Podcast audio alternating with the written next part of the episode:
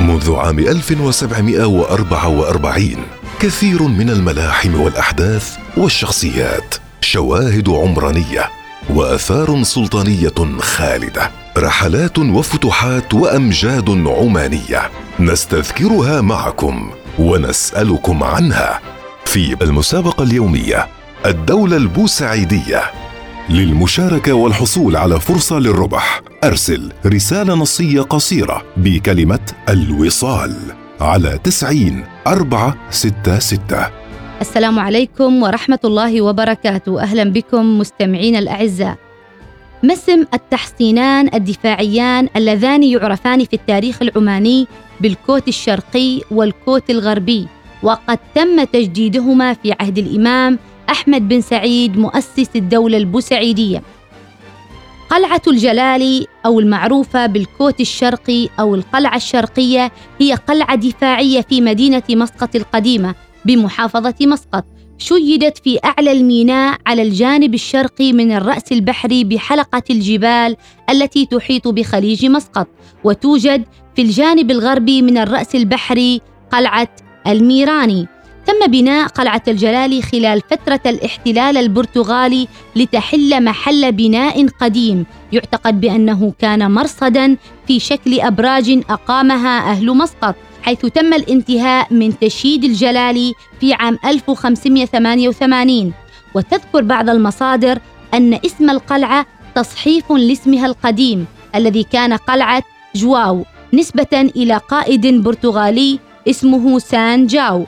وتذكر مصادر أخرى أن اسمها مشتق من كلمة جلال التي تعني السمو والاحترام والوقار في إشارة إلى ارتفاع موقع القلعة وبنائها المعماري الرزين. أما القلعة التوأم للجلال فهي قلعة الميراني التي تعرف باسم الكوت الغربي وهي أيضا قلعة دفاعية في مدينة مطرح بمحافظة مسقط.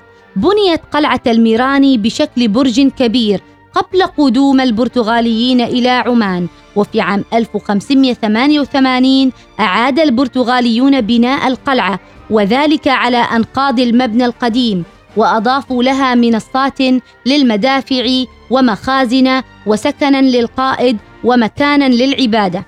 في عهد اليعاربة انتزعت قوات الإمام سلطان بن سيف الأول اليعربي القلعتين الجلالي والميراني من أيدي البرتغاليين حوالي عام 1650 في آخر هجمة شنتها القوات العمانية لتحرير ما تبقى من الشواطئ من الاحتلال البرتغالي.